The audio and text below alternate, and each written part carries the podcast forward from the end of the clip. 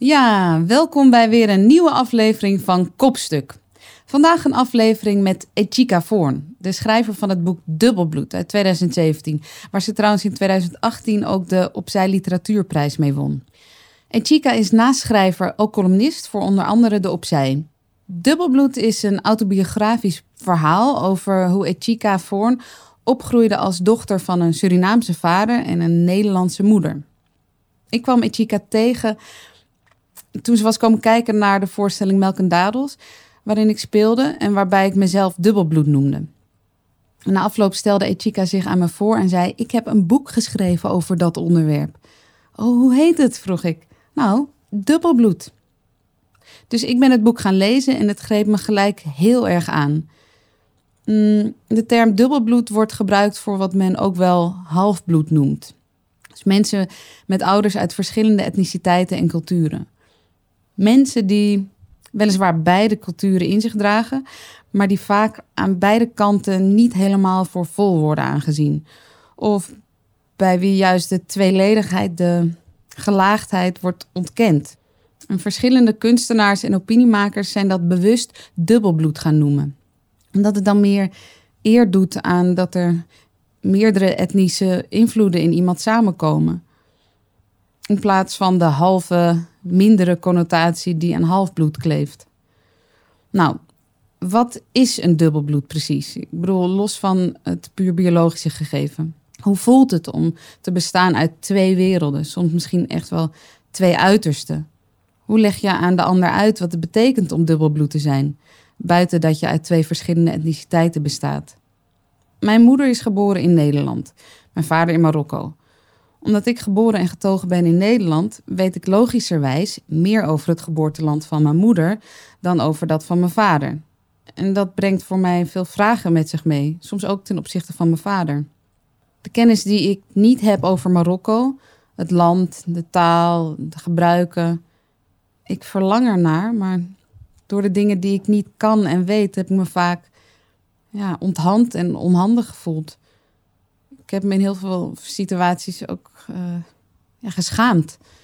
Omdat dat niet machtig zijn van al die dingen voelde als falen. Falen in iets wat ik zou moeten weten, omdat ik het immers toch ben.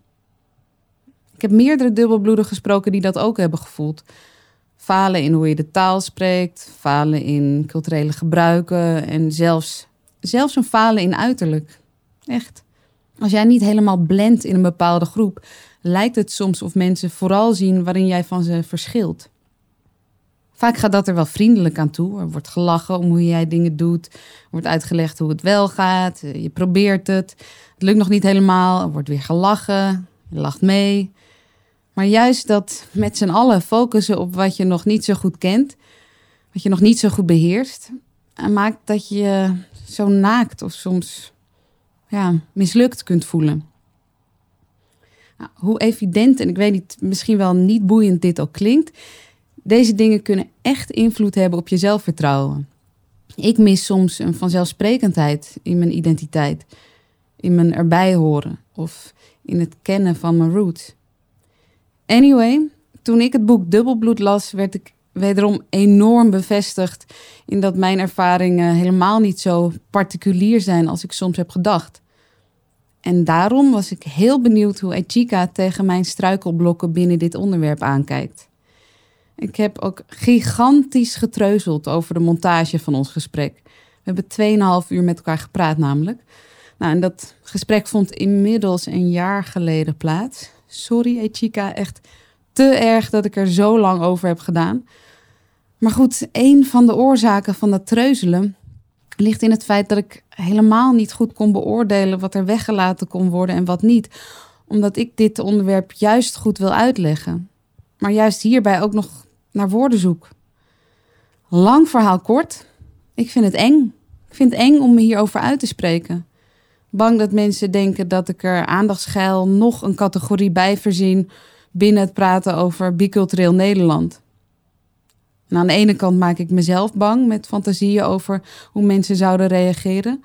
Aan de andere kant zijn er inmiddels ook vaak genoeg rare reacties geweest. Alsof mensen aangedaan waren, soms zelfs beledigd dat ik me ook identificeerde met een andere groep. Eng, eng, eng. En daarom juist zo prettig om met elkaar naar woorden te zoeken.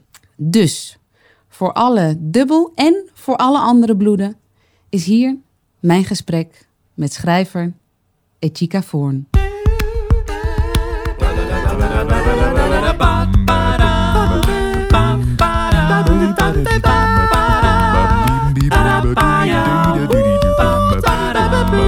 Kopstuk, kopstuk, kopstuk. Ik hoop gewoon zo dat we uiteindelijk niet meer hoeven na te denken over hoeveel procent we op dat moment van het een zijn en of van het ander. Wat vind jij van die genetische testen nu allemaal? Van die DNA-testen die je kan laten doen? Ja, ergens is het wel, wel spannend om dan te weten hoe het precies zit. En aan de andere kant is dat zo relatief. Wat is dat dan? Uiteindelijk gaat het denk ik over wie is je moeder, wie is je vader. Dat maakt je dubbelbloed. Mhm. Dus je komt uit twee soorten hout. En als ze allebei uit Drenthe komen, dan zijn het alsnog twee mensen die jou een dubbelbloed maken. Ja, maar dat is Wat een dat argument wat ik ook vaker krijg. Hè? Van ja, uiteindelijk zijn, zijn alle mensen. Ja, uiteindelijk is toch iedereen. Ja, dat is natuurlijk zo. En als je moeder uit Groningen komt, zoals mijn moeder. En eh, stel je hebt een eh, vader die komt uit het zuiden van het land. Ja, dan heb je ook nog wel wat te overbruggen. Maar daar gaat dit niet over. Want dan Nee. speelt toch echt wel mee dat je. Een van je ouders echt uit een ander land komt met andere gebruiken en andere tradities. Ja. En, eh, en dan is ook nog eens natuurlijk nu heel erg met het Surinaams-Nederlandse is toch dat, dat bewustzijn wat heel erg gegroeid is de laatste jaren over het slavernijverleden. Ja. En dat ik daar echt niet meer van weg kan. Ik heb voor mijn gevoel zo'n inhaalslag te doen. Maar als ik dan in die inhaalslag en dus in dat groeien van dat zelfbewustzijn over hoe komt het eigenlijk dat er veel geweld is? Dat, dat mijn vader gewelddadig was? Komt het eigenlijk? En Dat doodenge vraag. Ja, ik bedoel, ik vind het trouwens nu ook niet eng nu om te zeggen. Want hij had ook heel veel geweldige leuke kanten. Ja. Zoals iedereen is zwart-wit. hè? Dus je Ja. hebt allemaal je, je schaduwkant en je hebt je lichte kant. En mijn vader had zeker ook zijn lichte kant. En het Ja. is jammer dat hij zo vroeg is overleden. Want Hoe oud was hij? 57, zo 57. oud als ik nu ben. Vind ik ook heel spannend. Volgend jaar ben ik ouder dan mijn vader geworden is. Op een gegeven moment zeg je in je boek. Je hebt het over dat je hem zoveel had willen vragen. En Mhm. dat hij heel veel kennis had over nou, jouw Surinaamse root. Over, Mhm. over jou daarmee ook. Dingen die jij nog niet wist. En dan schrijf je... ehm, onbewust ben ik bezig een gang te graven naar de schat die hij in zich draagt. Een schat waarin mijn verlossing verborgen zit. Waarin ik antwoorden op mijn vragen kan vinden. Ik wou dat ik meer lef had om vragen te stellen. En waarom is dat dan toch zo eng om die vragen te stellen aan die andere ouder? Ik ben helemaal ontroerd. het is een tijd geleden dat ik dit gehoord heb. Waarom je er lef voor moet hebben? Wat is precies? Wat is daar zo eng aan? Eigenlijk is het eng om dingen te willen weten. Enerzijds die je misschien nooit te weten kan komen meer. Het is een beetje obsessief eigenlijk. Hè? Dat ik, dat ik, ik ben nu ook weer in Suriname geweest. Heb, heb geprobeerd wat dingen te achterhalen. En neef vroeg ook aan mij. Ja, waarom ben je nou steeds zo op zoek naar dingen van je vader? Ja, omdat ik gewoon wil snappen. Wat dus de impact van een aantal zaken op zijn leven. Wat voor impact dat op mijn leven heeft. En het feit dat hij de vader was zoals hij was, ja, dat, dat heeft me best wel in problemen gebracht. Want hij was de eerste lijn naar mijn Surinaamse familie. En wat is er dan zo eng om aan hem? Was er toen eng om aan hem zo'n vraag te stellen? Want ik kan het hij heel was onwillig. voorstellen. Hij was onwillig. Als ik al, al- als ik al eens dingen vroeg, dan, was het, eh, dan, dan ging hij er toch omheen. En ik was natuurlijk ook nog jong. En Mhm. dus ja, tegen de tijd dat ik er zelf wel een beetje klaar voor was. En ik had wel op zich op het laatst wel bijzondere gesprekken met, met mijn vader hoor. Wat heel leuk was van hem is dat hij heel erg ondernemend was. En dan had hij eh, een handel in goud of rubber. En dan had hij daarin geïnvesteerd en had eigenlijk al niks. Mhm. En dan had ik toch wel gesprekken als, nou pa, heb je wel hier aan gedacht? Of zou je dat nou wel doen? Mijn, mijn broer vond dat allemaal een beetje dat ik een beetje brutaal sprak, vrij postig sprak met mijn vader. Ik genoot daar wel van. En volgens mij hij ook. Dus we hebben net even tijd tekort gehad. Hij heeft een, een, een, een geschiedenis natuurlijk met, met mijn moeder. Die, ze, ze waren gescheiden en er waren ook eh, ja, niet allemaal geweldige mooie omstandigheden. Dus Mhm. dingen vragen betekende ook natuurlijk dan naar echt de rottige dingen vragen. Om te begrijpen waarom hij was zoals hij was. Of waarom wij zijn opgegroeid zoals we zijn opgegroeid. Ik denk dat ik dat ook heel eng vond. En om dan nog eens de slag te maken naar wat dat dan voor mij als mens... of als meisje of als jonge vrouw betekent. Ja, dat... dat... Nou, ik denk dat ik het zelfs nu nog eng zou vinden. Om er echt open over te zijn van wat... Ja, wat al dat onthouden van informatie ook met mij gedaan heeft. En is het niet ook zo dat als je nog een vraag moet stellen, omdat je nog niet alles weet, dat je daarmee onthult dat je niet alles weet en daarmee dus niet helemaal volledig gelukt bent, Hmm. doe aanhalingstekens, als nou, in jouw geval Surinaamse of in, in mijn geval als Marokkaanse. Ik merk dat ik me schaam soms, dat ik nog bepaalde dingen moet vragen. En Omdat je ze niet weet. bedoel- Omdat ik ze ja, niet weet. Ja, ja, dat En- bedoel en- je. en- ja, en daarin, ja, op het moment dat mijn vader zou zeggen: Ja, hoezo weet je dat nou niet?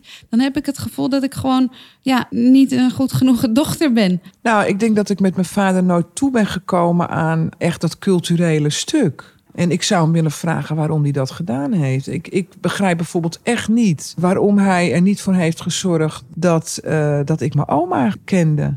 En waarom ging hij dat wel doen met zijn tweede gezin? Die kennen mijn oma. Ik heb mijn oma gewoon nooit ontmoet. Waarom niet? Dat zou ik hem, als ik nou nog mocht kiezen, dan zou ik hem even naar beneden halen. ik ga niet naar boven, sorry. en dan zou ik dat gesprek nog met hem hebben. Ja. Had mij toegang gegeven. Had mij toegang gegeven, want dat heeft gewoon wereld. zo een invloed gehad. Ik hoor veel van mensen terug dat- dat ze, dat ze daardoor geraakt zijn van Mhm. de, de, de afwezige oma. Nou, want eh, wij, wij hebben elkaar gebeld voor, om deze afspraak te maken. Ja. En toen hadden we het een beetje over, nou, eigenlijk al gelijk allerlei onderwerpen rondom dubbelbloed. Toen zei jij van ja, eh, ik weet niet meer precies wat, maar je zei tegen mij van ja, en, en jij bent dan wit. Later, toen dacht ik, oh ja, iets maakt dat ik dat niet leuk vind Nee. te horen. En ik kan het niet goed vatten. Heb ik dat echt gezegd? Wat erg. Nou, ja, dat, Nou, dat- ik weet niet dat- wat de context was, kan ik nu even niet herinneren. Maar eh, ik heb wel bijvoorbeeld een vriendin van mij, ehm, Nina, daar hadden we het over. Ja, Nina de La Parra. Ja, Nina de la Parra. En dat, hè, dat zij is net zo Surinaams Nederlands als ik. Alleen, ja, zij, zij heeft echt wel een, een dat kan ik zelf, ja, ik bedoel, dat kan zij zelf veel beter vertellen. Maar ik heb een aantal keren voorstellingen van haar gezien. Echt die worsteling van, ja, shit. Ik ben wit, maar ik ben wel Surinaams. En iedereen die kijkt maar naar mij alsof ik dat niet ben. En dat gaat dus eigenlijk niet zozeer over kleur, maar het gaat eigenlijk om wie jij je van binnen voelt. Ja. Maar dat je dus van buiten wordt afgerekend. En dat is eigenlijk, ja, dat is steeds dat, dat ding waar je tegenaan botst. En dan als dubbelbloed heb je dan ook nog eens dat je dus voor de een wit bent. Ik, want ik kan het wel tegen jou zeggen. Maar er zijn lege mensen die vinden dat ik wit ben. Weet je? En Ja. ik denk dus dat dat steeds maar dat besje over kleur. Dat Ja. vind ik echt verschrikkelijk. Je, je wil natuurlijk sowieso als mens gewoon zijn wie je bent. Wel met een bepaald bewustzijn. Ik ben namelijk gewoon ook super blij met hoe ik eruit zie. Het heeft wel even geduurd hoor. dus ik heb daar nooit zelf in die zin moeite mee. Maar het is natuurlijk die buitenwereld die piept en kraakt en, en jou steeds ergens wil plaatsen. Zowel de black community als de white community. Dat maakt het denk ik ingewikkeld als dubbelbloed. Dat er aan twee kanten mensen zijn die zeggen... ja, maar je bent niet helemaal van ons. Je bent, je bent toch anders. Dus de hele tijd benadrukken dat je anders bent. Ik weet zeker dat, eh, dat er in, in de familie ook mensen zijn die mij gewoon heel erg Nederlands vinden. Nou ja, dat vind, dat vind ik trouwens op zich niet zo erg hoor. Hoe leg jij dubbelbloed uit? En hoe doe je dat zonder schaamte? En zonder oordeel naar de ander ook eigenlijk. Hè? En zonder in te vullen voor een ander. Ja. En zonder jezelf klein te maken. Hoe leg je dat zonder poespas en zonder in te vullen wat een ander daar misschien van denkt? Hoe leg je dat uit? Nou, het is natuurlijk heel, het is iets heel persoonlijks. Ik merk bij andere dubbelbloeden dat mensen soms uit zelfbehoud dan maar één kant kiezen. Nou, hoe, hoe erg is dat? Dat, Ja. dat vind ik echt erg, want dan ben je eigenlijk jezelf aan het ontkennen en eigenlijk een beetje aan het verkrachten steeds. Want ja, dan denk je, ja, hè, van ik zie wel een bruin gezicht in de spiegel, maar ik doe alsof ik wit ben. En dan op een gegeven moment valt het kwartje wel. En dan, dan moet je toch met die mix gaan leren leven. Hoe ik het doe, ik spreek me tegenwoordig, ik spreek me wel uit naar alle kanten. Want je zegt van hoe, doe je, hoe spreek je uit zonder schaamte? Hè? Ja.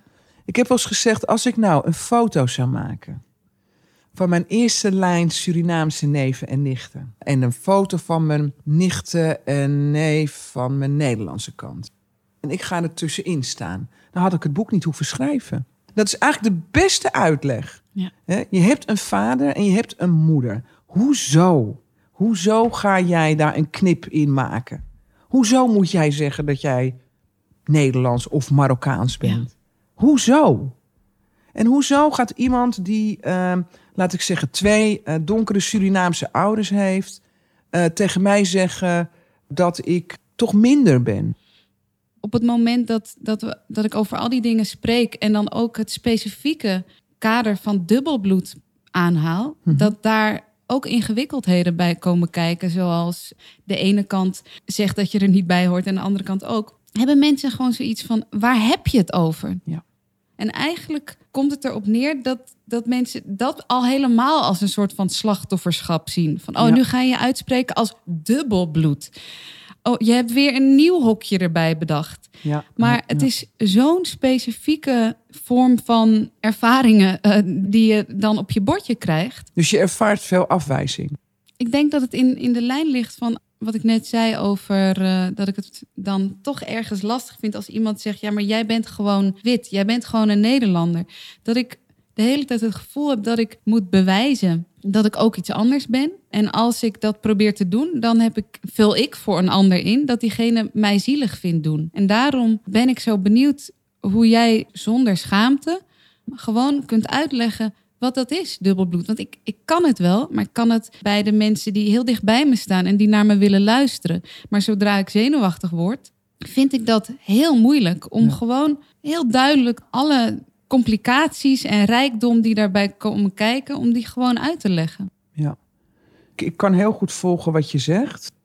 Het zit hem vaak ook in kleine, in kleine dingen. Ik zeg niet voor niets afwijzing, maar dat is eigenlijk vooral mijn ding. Nou, daar zal mijn eh, achtergrond heeft daar gewoon mee te maken. En hoe ik ben opgegroeid. En zo heeft elk mens heeft dat. Het hoeft, is niet per se gerelateerd aan dubbelbloed, maar het zit hem in kleine dingen. Ik heb vandaag pom gemaakt. Ik heb pom gemaakt voor een hele lieve vriendin van mij, die helaas niet heel lang meer gaat leven. En ze wilde nog heel graag pom eten. Maar dacht je nou echt dat ik vroeger pom durfde te maken? Want er is altijd discussie over eten. Hè? Dus als ik dan pom maak. En dan zegt ook zelfs mijn moeder, hè, mijn Nederlandse moeder. Ja, toch nog een beetje meer. Ja, toch nog een beetje meer. Er is altijd dat gezeur over dat eten. Maar ik krijg steeds meer vertrouwen. Ik heb gewoon steeds meer mijn eigen hand van mijn pom. Maar omdat het nu een soort nu of nooit pom is, heb ik de hulp ingeroepen van een lieve vriendin die verschrikkelijk goed gaat koken. Zij is Surinaams. Helemaal Surinaams, laten we maar zeggen. Maar eigenlijk denk ik, waarom heb je dat nou eigenlijk gedaan? Want nou heb ik die pom een beetje anders gemaakt. Want je bent natuurlijk niet echt goed in pom maken. Maar is het dan eigenlijk dat je zelf denkt: ik ben niet Surinaams genoeg om Ja, de juiste pom te maken? Ja, ja, ja. Misschien dat als mensen dit horen, denken ze... nou jeetje, ga je nou over recepten hebben? Het gaat erom dat dit soort recepten, die krijg je overdrachtelijk. En ik zie me nog staan bij mijn vader in de keuken vroeger in Amsterdam-Noord. En hij verdoemde het altijd om te zeggen wat hij erin deed. En hij is helaas vroeg overleden. Ja. Dus, en ik had niet heel veel mensen om me heen waarbij dat overdrachtelijke speelde. En dit zijn dus die dingen waar je echt cultuurtechnisch echt, echt even tegenaan loopt. Dus ik snap van mezelf dat ik die hulp inroep. Ja.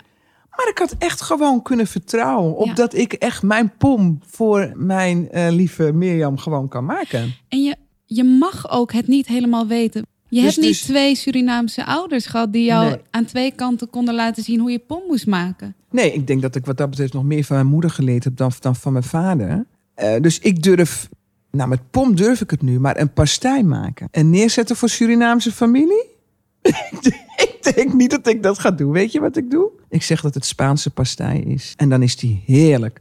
Maar zodra ik ga zeggen dat het een Surinaamse pastei is. Ja. Niet dat dat erg is Ja. trouwens, maar dat zijn mijn onzekerheden. Ja.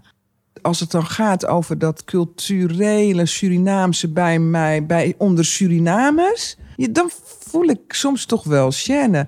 En omdat ik nou eenmaal helemaal aan de Nederlandse kant ben opgevoed en opgegroeid en ik die mores echt zo goed ken, heb ik dat aan die kant niet. Maar daar krijg je weer het punt dat ik dingen zie en hoor die echt niet acceptabel meer voor mij zijn. Ja. En dus dat begint te schuren. En ik denk wat nog een punt is van dubbelbloed, is dat, dat je dat dus ook verstaat. Je verstaat de witte kant. En je verstaat de zwarte kant. Je verstaat dus een soort van dilemma. En dan herken je ook wanneer dingen ontkend worden. En dan is toch weer mijn vraag, ondanks dat je dat allemaal de hele tijd met je meeneemt, hoe Mhm. leg je dan eigenlijk eh unapologetic uit wat dubbelbloed is? Wat is jouw tactiek? Hoe, hoe doe je het? Uitspreken dus. Het is, het is maar één manier. En dat is toch het zeggen. Het hardop zeggen. Ik heb een, eh, een keer een, een scène gelezen die Toni Morrison meemaakte als kind. Omdat zij heel licht was. En dat haar grootmoeder zoiets zei tegen haar van... eh, die mis- eh, tegen haar moeder, die, die zei mislukt. En dat Maar- werd gezegd. Over haar, omdat ze zo licht Ja, ja. was. En kijk, als ik in Suriname ben, daar is ook wel steeds duidelijker geworden dat dat hele dubbelbloed-issue, thema, wel, wel degelijk een issue is. Het is eerst allemaal ontkend. Oh, nee, wij hebben dat hier allemaal niet. En wij leven Terwijl allemaal. daar zijn zoveel verschillende invloeden. Ja, daar is ja, hele maar- moxie. eh, Ja, moxie moxie. Wij zijn het land van moxie. Wij accepteren iedereen. Ja, dat is ook wel zo. Maar ik heb heel veel mensen gesproken die toch echt wel hun problemen hadden als Javaan om met een Creools meisje thuis te ja, komen. ja. Of, of met eh Hin- Hindoestaan en, en Creool, daar hebben ze zelfs ook weer een naam voor. Moet je toch voorstellen, dus die hele rijke Hindoestaanse cultuur en die hele rijke Creoolse cultuur, die moeten toch alle twee kunnen zijn, weet Ja. je wel? En je mag trouwens ook bijvoorbeeld nu zeggen, ik ben gewoon nu even helemaal into the Moroccan eh, way. Je kan gewoon bewegen. Ik voel me de ene keer meer Surinaams bijvoorbeeld dan de andere keer door waar ik mee bezig ben. Of door wat ik lees, of door wat ik hoor, of met welke mensen ik ben. Er is een, een gemis en, en niet weten en daarmee Ja. vragen. En tegelijkertijd las ik in je boek aan twee kanten keiharde dingen vanuit ook je familie. Dus je Surinaamse oma die vroeg wie is deze bakra, wie is deze witte vrouw? En je opa van moederskant, Nederlandse opa, die zei... eh, Overgrootvader. eh, overgrootvader. Is het zwartje er nog? Ja, zijn die zwartjes er nog. Ja, Zijn die over Ja. jou en je zusje? ja schokkend hè. Hoe, maar En dat hoe, voel je ook. Hè? Er is een soort van lucht in zo'n huiskamer die je bijna kan snijden. Maar je, je weet het niet als kind. Maar wat is familie dan? Ja, Hoe, hoe kijk jij naar familie als er ook dat soort dingen aan beide kanten gezegd worden of werden? Nou, dat is, eh, dat is een hele goede vraag. Kijk, ik ben ervan overtuigd dat, dat, dat er liefde is tussen mij en, en, mijn familie, beide kanten. Maar ik ben er ook van overtuigd dat er echt stukken zijn die, ja, die begrijpen zij gewoon niet. Een, een, een wit nichtje die zegt van ja, ik heb toch steeds het idee dat ik eh, het gevoel dat ik als racistisch word eh, benaderd. Denk ik, oh, hoe kom je daarbij, kind? Weet je wel. Opeens komt dan zoiets naar boven, hè? En, en dat is het, het lastige, want dan ben je opeens toch wel de ander. Dat is een proces waarvan je moet onderkennen dat dat iets is wat, wat in jezelf zit. Kijk, als, wat ik ook heel belangrijk vind eigenlijk om te zeggen. Dubbelbloed gaat niet over racisme. Dus dat mensen niet denken, oh god, heb je weer een boek over racisme. Trouwens zou heel erg goed zijn, want er is nog lang, zijn we nog lang niet over uitgepraat en geschreven. Maar dubbelbloed gaat niet over racisme. Het punt alleen is, je ontkomt er niet aan. Ik ga dat gesprek met kinderen aan die ook dubbelbloed zijn. En wat zeggen die? Nee, laatst supergemengde school in Amsterdam-Noord. En toen zei een eh, Marokkaanse jongen tegen mij... Mevrouw, maar hoe moet ik dit nou doen? Hier in Nederland ben ik die Marokkaan. En als ik naar Marokko ga, ben ik die Nederlander. Ja, die En- en- en- spagaat. En die spagaat. En ik denk dat als je nou een, een kenmerk wil, wil noemen van waar staat dubbelbloed voor, dan is het dat. Je bent eigenlijk altijd in een spagaat, maar wij zijn super flexibel. Wij weten hoe het moet. Ja. Hoe je moet bewegen van de ene kant naar de andere kant. Ook al schuurt het en heb je pijn. We, we moeten wel, want je bent het. Je, je, En daarom denk ik dat als dubbelbloeden stoppen met proberen te bewijzen dat we wel genoeg van het een of genoeg van het ander zijn. Pas dan kunnen we denk ik overtuigend duidelijk maken dat het een rijkdom is, dat het dubbel is, in plaats van dat het gaat over je bent net niet dit, net niet dat, je bent half-half. Maar weet je, ik denk wel, we zijn het aan onszelf verplicht om die rijkdom te definiëren. Dat mag ook zoeken zijn en bevragen, want anders wordt het een soort cliché-ding. En ik denk dus dat dat definiëren, daar hebben we ook elkaar voor nodig. Weet je, waar zit hem dat in? Zou je jouw definitie daarvan willen geven? Van, van die rijkdom. Mhm. Het verstaan. Als ik een gesprek heb met een fotograaf en zij is wit en zij vertelt mij dat ze met een prachtig project bezig is, maar dat er vanuit de black community hele kritische vragen zijn gekomen waarom zij dat project gaat doen. Dan begrijp ik haar feilloos. Ja, dan kan ik eigenlijk echt de goede dingen tegen haar zeggen. Van, omdat ik heel goed snap wat zij voelt in, in, in dat stukje van afwijzen en niet helemaal bijhoren. Terwijl je wel al jaren inzet of me- met iemand verbonden voelt met. Dat snap ik. In dit geval denk ik naar de andere kant, als ik het allemaal een beetje glad ijs begrippen, dat, dat besef ik me heel erg goed. Maar om even in, in, in de term van rijkdom, waar uitzicht dat dan in? Ik denk dus dat ik echt een brug kan slaan door, door in gesprek te gaan ook van... hé, hey, luister, doordat je wit afwijst... besef je wel dat je eigenlijk ook zwart afwijst. Namelijk, want dat ben ik ook. Ik ben het en het een en het ander. En zo ga je elkaar niet vinden. We moeten niet segregeren. We moeten samenkomen. Ja, dat doe ik al van nature, want ja, ik ben het nu eenmaal. Dus In jou komt het samen. ja, Ja. in mij komt het samen. En ik denk dat het goed is dat, dat het voor mij ook nog steeds leren is in dat ik me uitspreek aan, aan alle kanten. Maar ja, eigenlijk word je ook aan alle kanten. Heb je blauwe plekken risico, zou ik maar zeggen. Ja, krijg je veel vuile opmerkingen Nou, doordat ben- je veel meer ik ben uitspreekt? gewoon, nou, ik ben natuurlijk een beetje een scheiter. Dus ik zeg nog heel veel niet. Kan je één of twee dingen noemen waarvan je zegt... oké, dat heb ik nog niet gedaan, want te eng. En ik moet ze nog doen. Nou, ik moet meteen een correctie maken, want ik, ik heb iemand, eh, een hele lieve vriendin van mij, iets beloofd. Dat is Mirjam. Ik mag mezelf niet meer klein maken. Dus eh, nee, ik ben geen scheiterd. Ik vind het inderdaad gewoon eng. Ehm, ja, nou ja, eh, laat ik zeggen, een vriendin die, die echt racistische posts heeft. En ik hou van haar. Ik moet dat gesprek met haar aangaan van... dan moeten we misschien zelfs wel, ondanks de liefde... Dat kan gewoon niet dat je niet zegt wat het met je doet. Dat vind ik echt niet kunnen. En Dus- hoe komt dat toch dat dat zo eng is? Want ik zij spreekt kwijt, zich wel... Omdat ik er dan Ja. kwijt ga raken. Dan gaat ze zeggen, nou, dan, dan, eh, dan maar niet. Maar jouw loyaliteit is zo groot dat ze jou niet kwijtraakt terwijl ze dat soort dingen zegt. Ja, ja, dat is ook een beetje krom. En ik weet ook wel hoe het, waarom ik het eng vind, maar ik weet ook, ik moet het echt los gaan laten. Ik moet echt bereid zijn om te verliezen, want daar zit gewoon vrijheid. Sterker nog, als ik echt met liefde de spiegel voor kan houden en zeg: kijk, wat jij nu zegt klopt niet, daar en daar en daarom niet. Black Lives Matter is heel iets anders als een incident van een, een zwarte man die een wit kind eh, doodschiet. Is natuurlijk een afschuwelijk verhaal. Maar dat is, is, dat is hetzelfde als dat je zegt: ja, een vrouw eh, heeft een, de man geslagen. Weg met die, black, eh, met die blijf van mijn lijfhuizen.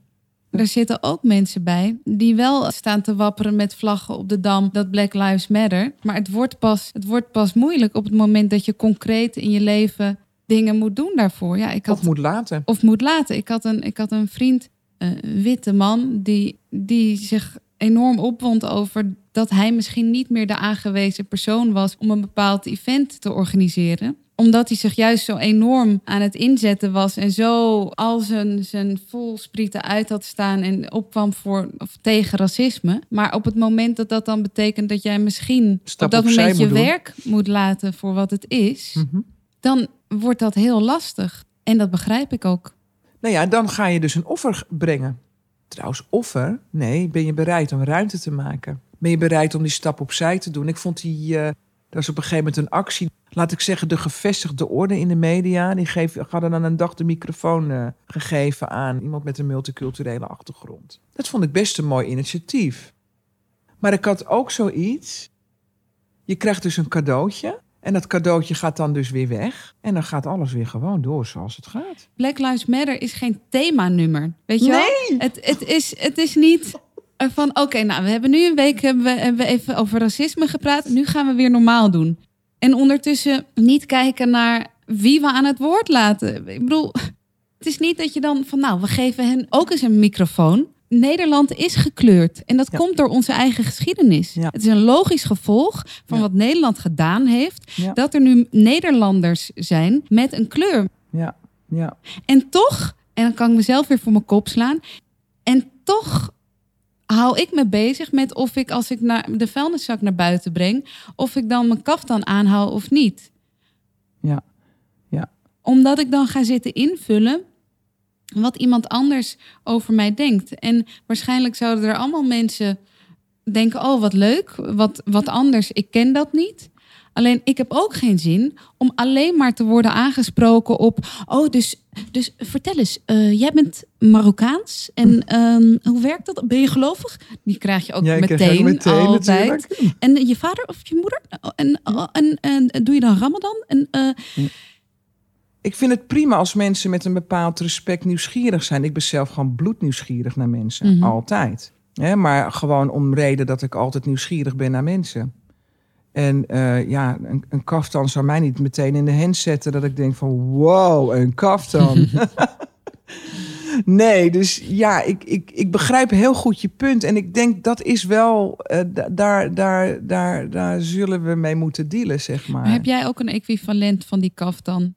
Eh, als ik een beetje strijdlustig ben, of als ik denk, ik heb er gewoon ontzettende zin in, dan ga ik gewoon heel mooi een doek binden. Of ik fiets naar een vriendin en dan zeg ik, bind jij hem even? Want ik kan het natuurlijk helemaal niet zo goed als zij.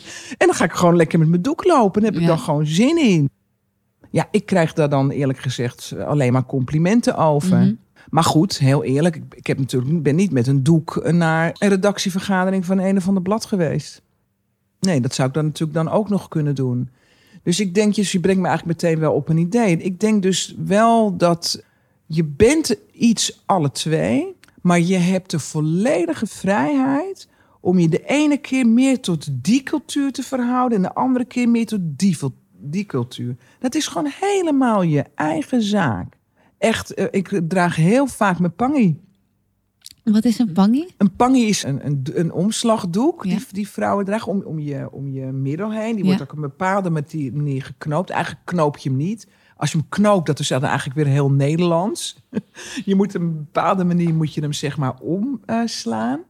en dat draag ik dan eh, gewoon een t-shirt op. En dan ga ik wel mee de supermarkt in. Dat doe ik gewoon. Ja, en dan wordt er wel gekeken. Vind ik, vind het heerlijk. Ik vind het prima.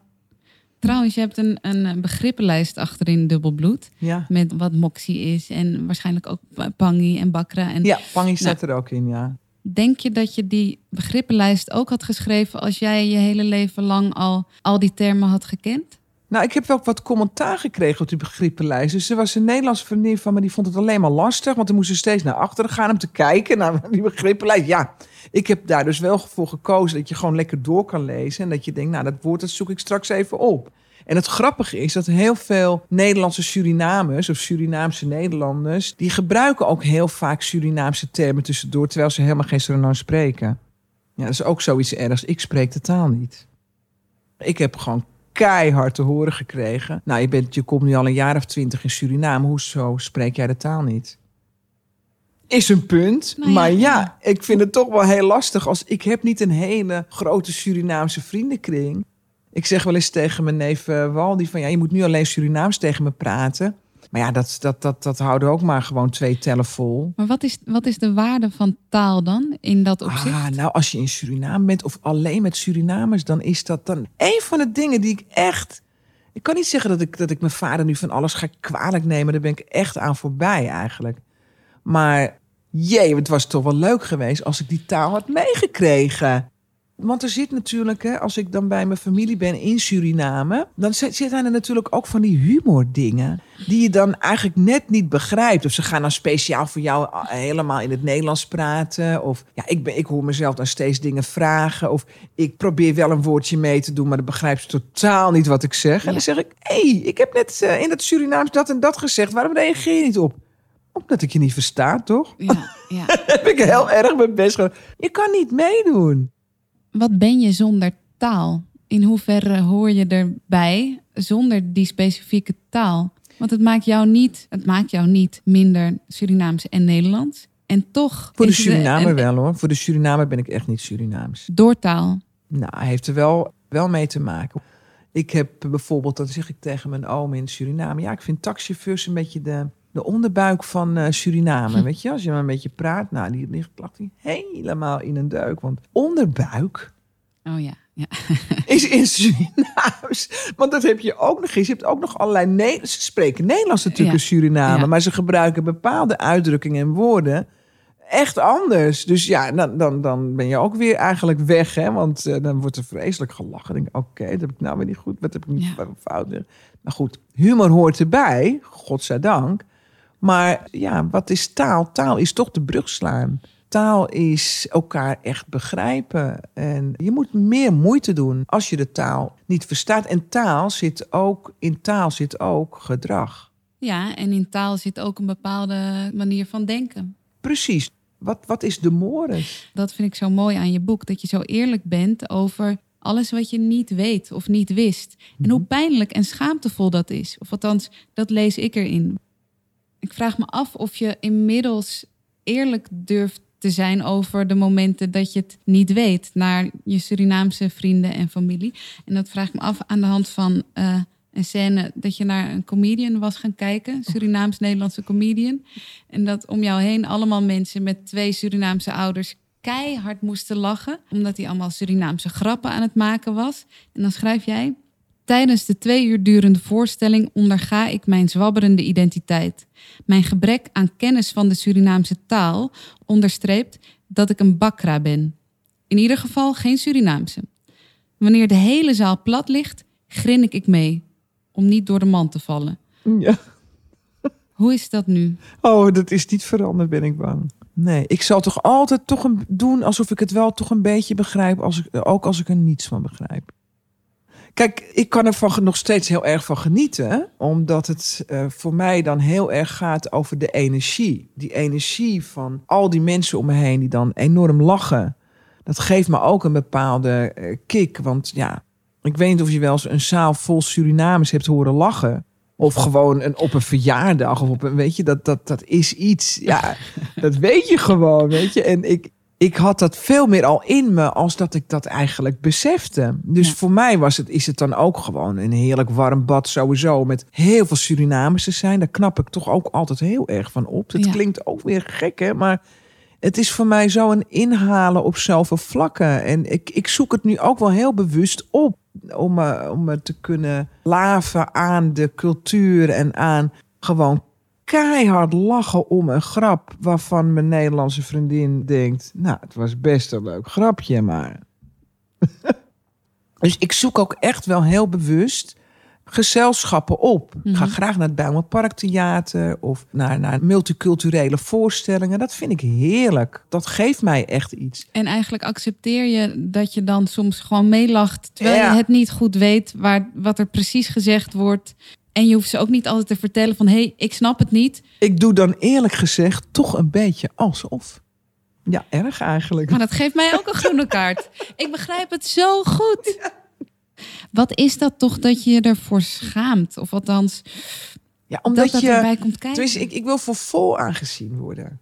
Laatst is ons helaas een van mijn ene, laatst ene oudste nicht eh, ontvallen. En inmiddels heb ik best veel traditie meegekregen rondom eh, de dood. En ja, de, de tradities eromheen van het begraven en het zingen en het dansen. En ja, ik ben geloof ik ook wel in die zin wel gegroeid. Dat ik ook echt kan zien dat zij nou eenmaal echt het helemaal vanuit hun tenen al die tradities doen.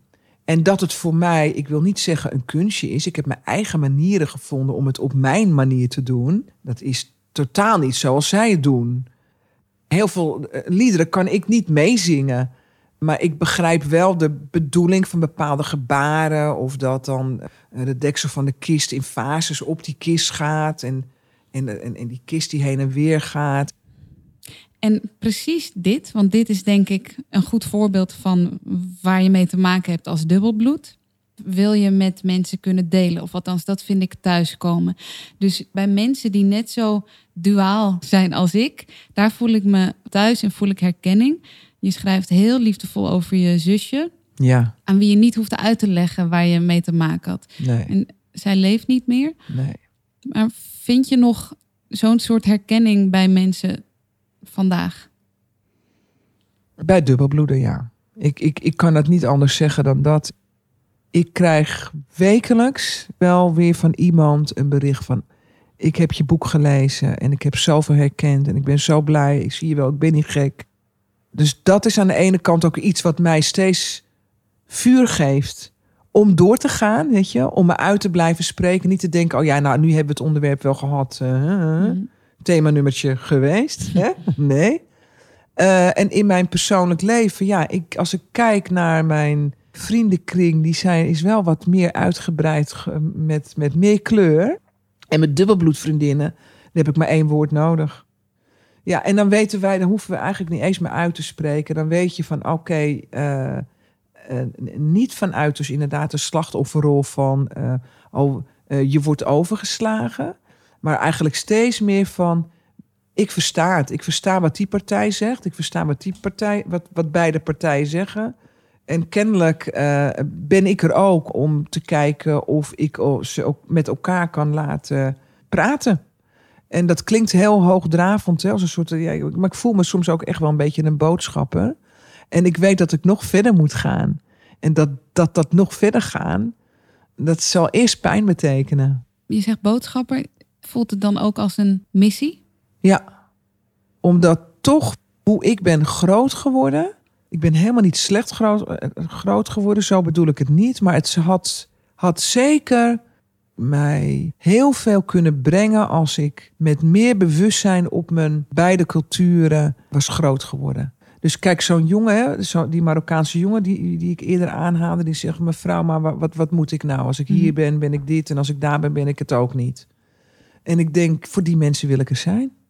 Ik wil gewoon vertellen aan zeker ook de jonge mensen dat het een bijzondere positie is. Dat je niet daardoor je boven een ander stelt. Want dat wordt ook nog wel eens gezegd. Hè? Jij moet niet denken dat Oh jij beter bent. Je bent eigenlijk helemaal niet zwart. Oh, oké. Ik noem het boodschap omdat ik echt denk van dat het die missie behelst wel dat ik het voorleef voor anderen. Want ik Hoe luidt die missie dan? Dat je er echt mag zijn. Dus nog even terug naar het begin. Wat is dubbelbloed? dubbelbloed is dat je letterlijk twee culturen in je draagt. En die maken dat, ja, dat je dus anders in de wereld staat, omdat er ook steeds anders naar jou gekeken wordt. Je familie, dat is het, hè? Je familie, dat is je bodem. En als je dus vanuit die bodem bevraagd wordt, kritisch bejegend wordt, dat is het spannende van dubbelbloed. En daarom moet familie moet zich daar ook echt van bewust zijn. En dat zelfs iemand op een gegeven moment tegen me zei uit mijn witte kant. Ik vind dat je nu wel heel erg naar je zwarte kant gaat hoor de laatste tijd. Helemaal niet slecht bedoeld, maar het is wel even gezegd. En, en dan denk ik, ja, het is nodig om te zeggen en uit te dragen dat je die positie hebt en dat iedereen dat daar ook gewoon ook rekening mee mag houden. Je moet jezelf omarmen, maar de familie moet zich daar ook bewust van zijn. Dat dat iets specifieks is. En je kan alleen maar door je familie geholpen worden. Ik kan pas als mijn neven mij echt helemaal zo omhelzen. Dat maakt mij sterk in mijn Surinaamse kant. Dat heb je nodig. Dan heb je niet aan de andere kant nodig dat, dat je te maken krijgt met een soort van white fragility. Van ja, maar eh, wij hebben jou toch altijd goed behandeld. Ja, we zijn toch gewoon familie. Ik geloof veel meer dus in het voorleven. En dat heb ik met mijn boeken ook gedaan. En dat zal ik met mijn volgende boek ook doen. Gaat dat weer deels over je eigen leven? Het Ja. volgende boek? Kan je Ik kan niet anders, tip- geloof een tipje van de, van de sluier Een tipje van de. Nou ja, waar het eigenlijk over gaat. Dit eerste boek gaat heel erg over. Is het ik? Weet je, gaat heel erg over mij. En het tweede boek ga- zal meer gaan over de relaties om mij heen. Uh, dat is een, eigenlijk een hele logische volgende stap. Ik wil proberen zo helder mogelijk te krijgen wat de impact van het leven van mijn vader, wat voor impact dat heeft op mijn leven, ons leven.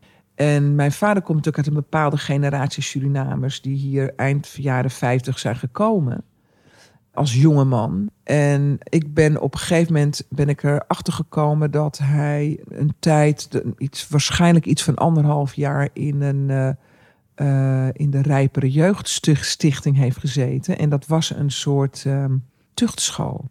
Het ging er hard aan toe, laat ik het zo zeggen. Dat je ineens heel anders naar je vader gaat kijken, kan ik me voorstellen. Maar nog iets, iets anders in deze lijn je werk is heel persoonlijk. Het gaat ook over dingen waar je nu mee bezig bent, die je nu nog raken. Hoe vind je wel de afstand die je nodig hebt om er een, een boek van te schrijven? En dat het, wat mensen heel flauw, nu ga ik het zelf als voorbeeld aanhalen. Ja, doe maar. maar wat mensen heel flauw zeggen, hoe zorg je dat het geen therapie wordt? Hoe doe jij dat? Of ben je daar helemaal, ben je helemaal nooit daarmee bezig? Ik ben daar eigenlijk niet mee bezig. Dus het klopt natuurlijk wel als iets nog zo op je huid zit dat, dus ik werk eigenlijk zo dat ik heel veel schrijf, maar dat ga je echt nooit te lezen krijgen. Maar ik ben eigenlijk ook niet zo heel erg bang, merk ik, als ik schrijf, om echt heel eerlijk te zijn. Ik zit nu ineens te denken van ja, net zoals dat het hele gesprek over racisme, dat het een probleem van ons allemaal is. Mhm. En niet alleen van mensen die gediscrimineerd worden, maar van iedereen uit, het, iedereen uit het systeem dat het dubbelbloedverhaal, dat dat ook een verhaal is van heel West-Europa, heel de westerse samenleving, overal waar koloniën geweest zijn of uh, andere migratiestromen hebben plaatsgevonden, daar zijn kinderen uit voortgekomen die op een manier dubbelbloed zijn. En daarmee moeten de mensen in Drenthe zeg maar jouw boek lezen, maar ook of je verhaal horen, maar ook de mensen in Suriname, want het is het verhaal van een van hun kinderen wij, om het nog even maar zo te zeggen, zijn de snelst groeiende uh, groep mensen. Um, We gaan naar een heel soort van sci-fi dubbelbloedlandschap. Ja. ja, ja, en dat is, dat is echt zo. En dat je zegt het heel goed van het is iets van ons allemaal. Maar ik wens dus wel iedereen die dubbelbloed heeft toe dat dat ook onderkend wordt. En dat er niet gedaan wordt alsof dat er niet toe doet. Ik denk dat dat een van de dingen is die me nog wel misschien het meest uh, lastig hebben gemaakt. Dat het eigenlijk niet toe doet. Dat ik ging zelf ook een beetje doen alsof het er niet toe doet. Ja. Dus uh, ja, je hebt, je, hebt, je hebt zeker een punt. Het is iets van ons allemaal. Ik kijk gewoon naar de kinderen, weet je. Ik denk, geef kinderen nou altijd het gevoel dat ze helemaal mogen zijn wie ze zijn. Altijd. Ik verlang denk ik zelf wel naar niet altijd meer de tijd te nemen om uit te leggen wie ik ben. Oh dus aan de ene kant wil ik uitleggen zonder schaamte. Maar ik, ik denk ook, weet je, jongens, boeien als jullie mij niet Marokkaans genoeg vinden, aan welke kant dan ook. Ik hoef niet aan jullie te bewijzen dat ik toch echt een dochter van mijn vader ben. En ik hoef ook niet te bewijzen welke elementen in mij van hem komen en welke elementen van mijn moeder. Ik hoef het niet de hele tijd met voorbeelden te, te, duiden. Ik, ik wil het niet meer bewijzen. Dus jij had het over die, die twee havens. Thuis is een plek waar er van je gehouden wordt en waar je mag zijn wie je bent. En waar je nog je Nederlandse kant, nog je Surinaamse kant hoeft te verbergen. Waar ze er allebei mogen zijn. En ik denk dat voor mij dan nog een aanvulling daarop is. En dat ik ook niet hoef te bewijzen dat ik een van die dingen echt genoeg ben. Ik ben het. Ik ga niemand bewijzen dat mijn pom goed genoeg is. Ja, precies. daarom raakte me dat. Ja. Kijk, dat mensen bewijs willen hebben, dat is dus eigenlijk iets dan van de ander. Het is echt de kunst om niet in, het, in een soort. Um, ja, hoe moet ik het zeggen? Niet in een soort van vocabulaire of, of manier van denken van die heel erg in die ander mee te gaan. Mhm. Maar uh, je eigen autonomie te bewaken. En dat bewijzen, dat herken ik wel, ook van mensen die mij dan, zeg maar, bij wijze van spreken van, van, van vroeger kennen. Van nou, dat had je allemaal. Nee, maar zo Surinaams ben je toch niet? Ja, je bent toch gewoon Nederlander eigenlijk? Je bent toch eigenlijk gewoon. Ja, maar je bent toch eigenlijk gewoon Nederlander? Daarom noem ik het maar heel lief emancipatieproces. En er zijn natuurlijk wel een paar harde koppen in de samenleving die de dingen maar niet willen horen. Ik denk ook dat we de hele tijd bezig zijn met determineren. Wat is het nou? En Ja. dat vind ik trouwens wel iets Nederlands. Het is dit of het is dat. Er hoeft niemand tegen mij inderdaad te zeggen of ik eh, Nederlander wel of dat ik toch gewoon Nederlands ben. Dat ze het aan jou vertellen of van je willen weten van wat ben je nou? Ja. Is dat niet, is dat niet je thuis voelen? Een plek waar je jezelf niet hoeft te duiden, te verklaren, te bewijzen? Ja. En dat is toch, moet ik je wel zeggen, dat heb ik toch het meest bij ja, met andere dubbelbloeden. Waar dit thema inderdaad geen onderwerp is. Waar dit thema juist geen onderwerp meer Juist geen onderwerp is. is. Begrijp je moeder wat je allemaal hebt ontdekt? Hmm. Ze vindt het soms lastig dat ze opeens denkt: ja, maar ik ben toch je moeder en, en toch niet opeens eh, die witte vrouw. Nee, nee, tuurlijk niet. Maar hoe kom je daarbij? Weet je Ja. wel? Maar die is dus zelf af en toe gaat ze ook even helemaal aan de haal met waar sta ik? Het is ook voor mijn moeder een soort proces en onderzoek van dat ze zich onderkent hoe haar kinderen het dus ook gehad hebben. En dat is denk ik niet makkelijk voor een moeder. En andersom ook. Ik had toen in Skin Deep, want dat was wel heel tof van ze. Ik ben natuurlijk toen opgestaan en ik was echt, eh, ik stond echt zo, dus echt te roepen van wat zijn jullie mee bezig? En wat hebben ze gedaan? Ze hebben dus een themaavond over dubbelbloed, een Skin Deep avond over dubbelbloed. Mm, Ja. Was in no time uitverkocht. Hele zaal vol met dubbelbloeden en hun moeders. Hier en daar een vader. Surinaamse moeder die naar mij toe, naar mij toe kwam met haar dubbelbloeddochter. En zegt, ik heb mijn kind zo tekort gedaan. Door haar niet de ruimte te geven ook haar Nederlandse kant te leven.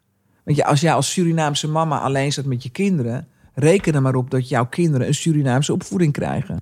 En zoals ik met mijn moeder ben opgegroeid... heb ik een Nederlandse opvoeding meegekregen. Ja. Dat vond ik zo hartverscheurend en tegelijkertijd zo dankbaar ook... dat je echt merkt dat er een taboe werd opengebroken. Dat heeft ook op mij enorm veel indruk gemaakt. Maar al Ja. die mensen die, die dus internaliseren dat ze niet volwaardig genoeg zijn, Ja, dat is wel iets wat aan de hand is. En daarom is het belangrijk om hierover te praten. Om Ja. er, En het is, het is dus belangrijk dat de ouders en ook de grootouders dat ook onderkennen. Juist de mensen eromheen moeten beseffen dat je een rol hebt in het wel dat transparant over zijn. Dankjewel, Ichika. Ja, dankjewel Kira. Deze aflevering van Kopstuk werd opgenomen en geëdit door mijzelf, Kira Boergen. Ook veel dank aan Charles Hens en Rutger Lem voor het meeluisteren en meedenken. De mix was weer van Nick van Noord. Dankjewel Nick. De openingstune is nog altijd van Herman in een bakje geitenkwark en ons logo is gemaakt door Esther Walter. Rutger en mij kun je vinden op social media, at Rutgerlem en Kira Boergen. Bij Rutger met dubbel M, Maria M, en bij mij met dubbel OU. En het boek Dubbelbloed van Echika Voren ligt nog altijd in de winkels. Mocht je ons willen steunen, dan kan dat via vriendvandeshow.nl slash kopstuk. Dan kan je doneren, eenmalig of meermalig, en ons volgen. Volgen kan ook via het Kopstuk op verschillende social media. En vergeet niet om ons een rating te geven in iTunes of waar dat tegenwoordig ook kan. Dank jullie wel voor het luisteren en tot de volgende Kopstuk. Kopstuk, kopstuk, kopstuk.